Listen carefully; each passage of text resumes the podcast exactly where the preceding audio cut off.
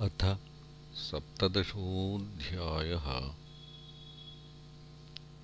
हिरण्याक्षहिरण्यकशिप्वोर्जन्म तदानीमुत्पातदर्शनम्। हिरण्याक्षदिग्विजयश्च।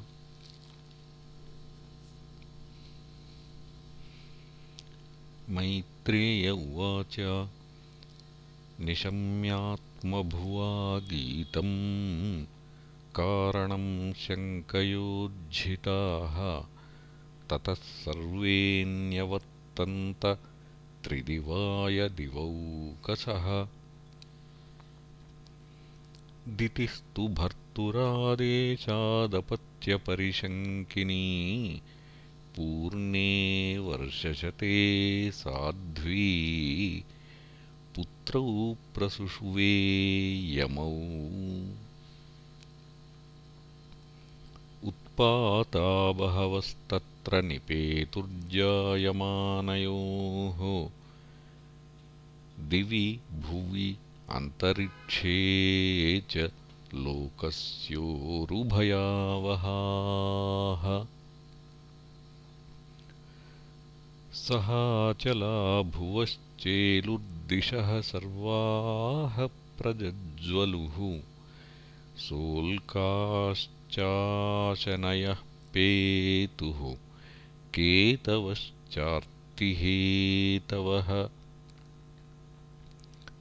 वायुः सुदुःस्पर्शः फूत्कारानीरयन्मुहुः उन्मूलयन्नगपतीन् वात्यानीको रजोध्वजः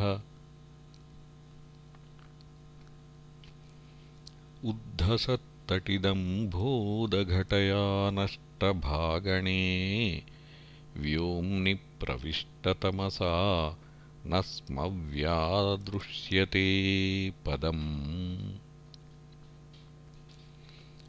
चुक्रोशविमनावार्धिरुदूर्मिः क्षुभितोदरः सोदपानाश्च सरितः क्षुभुः शुष्कपङ्कजाः।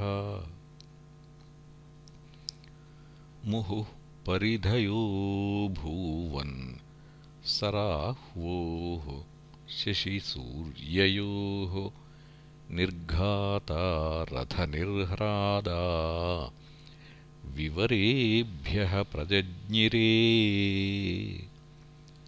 अन्तर्ग्रामेषु मुखतो वमन्त्यो वह्निमुल्बणम् सृगालोलूकटङ्कारैः प्रणेदुरशिवं शिवाः। सङ्गीतवद्रोदनवदुन्नमय्यशिरोधराम् व्यमुञ्चन् विविधावाचो ग्रामसिंहास्ततस्ततः। खराश्च कर्कशैः क्षत्तः खुरैः घ्नन्तो धरातलम्। खार्काररभसामत्ताः पर्यधावन्वरूथशः रुदन्तो रासभत्रस्तानीडादुदपतन्खगाः घोषेरण्ये च पशवः शकृन्मूत्रमकुर्वत।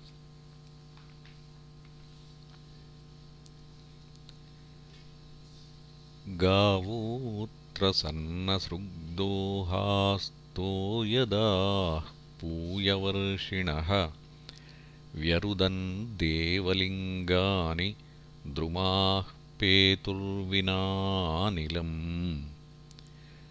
ग्रहान् पुण्यतमानन्ये भगणांश्चापि दीपिताः। अतिचेरुर्वक्रगत्या युयुधुश्च परस्परम् दृष्ट्वान्यांश्च महोत्पातानतत्तत्त्वविदः प्रजाः। ब्रह्मपुत्रेणाभिषिक्ताः पुत्रानृते भीता मेनिरे विश्वसम्प्लवम् तावादिदैत्यौ सहसा व्यज्यमानात्मपौरुषौ ववृधाते श्मसारेण कायेनाद्रिपती इव। दिविस्पृशौ हेमकिरीटकोटिभिः निरुद्धकाष्ठौ स्फुरदङ्गदाभुजौ गाङ्कम्पयन्तौ चरणैः पदे पदे कट्या सुकाञ्च्यार्कमतीत्यतस्थतुः प्रजापतिर्नामतयोरकार्षीत्। यः प्राक् स्वदेहाद्यमयोरजायत। तं वै हिरण्यकशिपुं विदुः प्रजाः। यं तं हिरण्याक्षमसूत साग्रतः।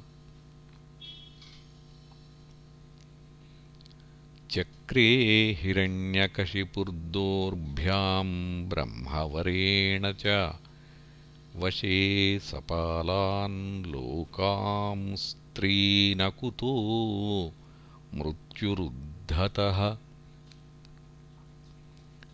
हिरण्याक्षोऽनुजस्तस्य प्रियः प्रीतिकृदन्वहम् गदापाणिर्दिवं यातो युयुत्सुर्मृगयन् रणम्। तं वीक्ष्य दुःसहजवम् रणत्काञ्चननूपुरम्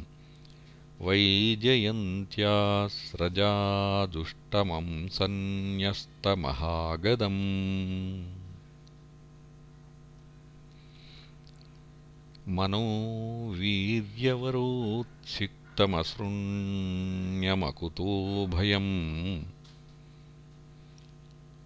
भीता निलिल्यिरे देवास्तार्क्ष्यत्रस्ता इवाहयः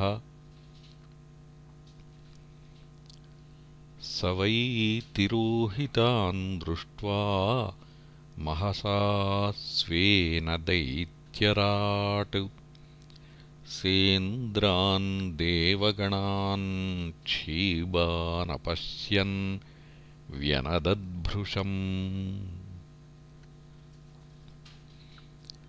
ततो निवृत्तः क्रीडिष्यन् गम्भीरम् भीमनिःस्वनम् विजगाहे महासत्त्वो वार्धिं मत्तैव द्विपः। तस्मिन् प्रविष्टे वरुणस्य सैनिकाः यादोगणाः सन्नधियः ससाध्वसाः। अहन्यमाना अपि तस्य वर्चसा प्रदर्शिता दूरतरं प्रदुद्रुवुः स वर्षपूगानुदधौ महाबलः। चरन्महोर्मीन् श्वसनेरितान्मुहुः मौर्व्याभिजघ्ने गदया विभावरीम्। आसेदिवांस् तातपुरीं प्रचेतसः तत्रोपलभ्यासुरलोकपालकम् यादो गणानां वृषभं प्रचेतसम् स्मयन् प्रलब्धुं प्रणिपत्यनीचवत् जगादमे देह्यधिराजसंयुगम्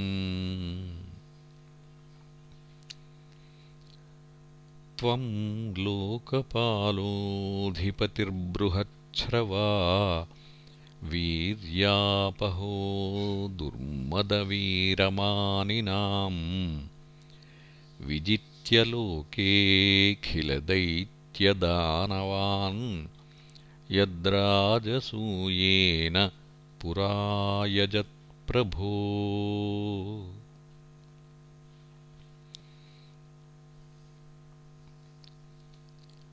स एवमुत्सिक्तमदेन विद्विषा दृढं प्रलब्धो भगवानपां पतिः।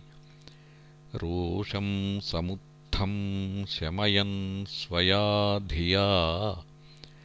न्यवोचदङ्गोपशमं गता वयम्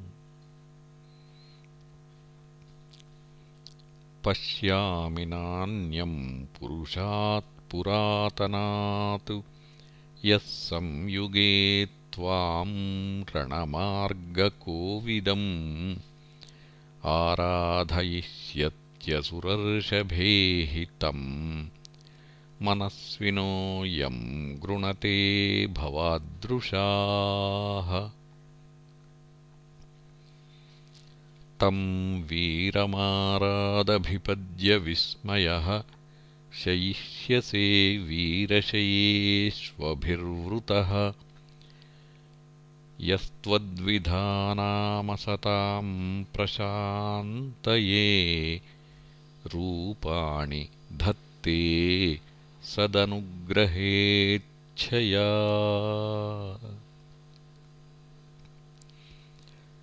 इति श्रीमद्भागवते महापुराणे पारमहंस्यां संहितायां तृतीयस्कन्धे सप्तदशोऽध्यायः